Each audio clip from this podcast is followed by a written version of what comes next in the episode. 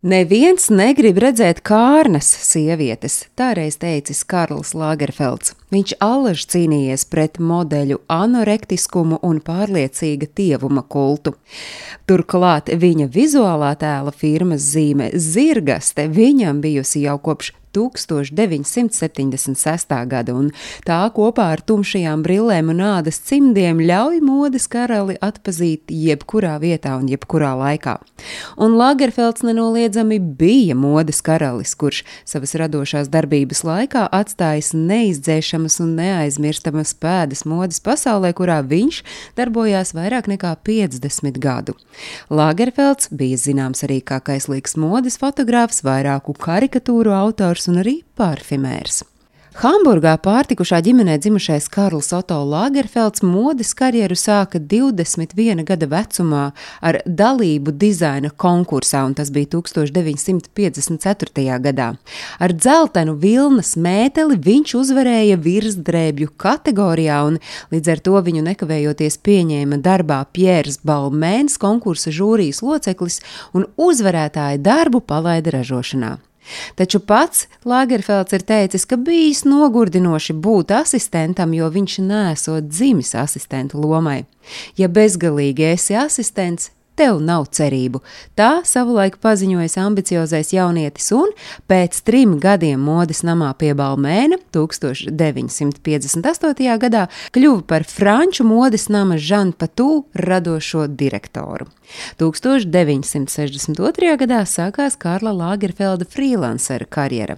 Viņš sadarbojās ar dažādiem modes namiem, bet, kad 1964. gadā radīja dizainu Chloe modes namam, pamazām no atsevišķiem izstrādājumiem un divām kolekcijām gadā viņš kļuva par visu kolekciju autoru.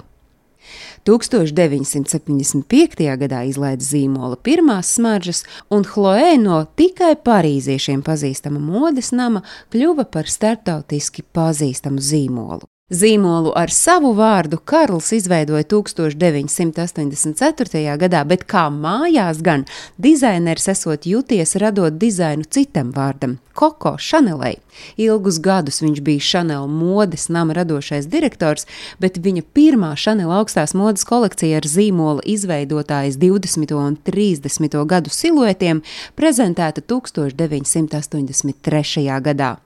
Lagerfelda kā ģēnija reputācija nav saistīta tikai ar perfekcionismu un inovatīvu modes dizainu.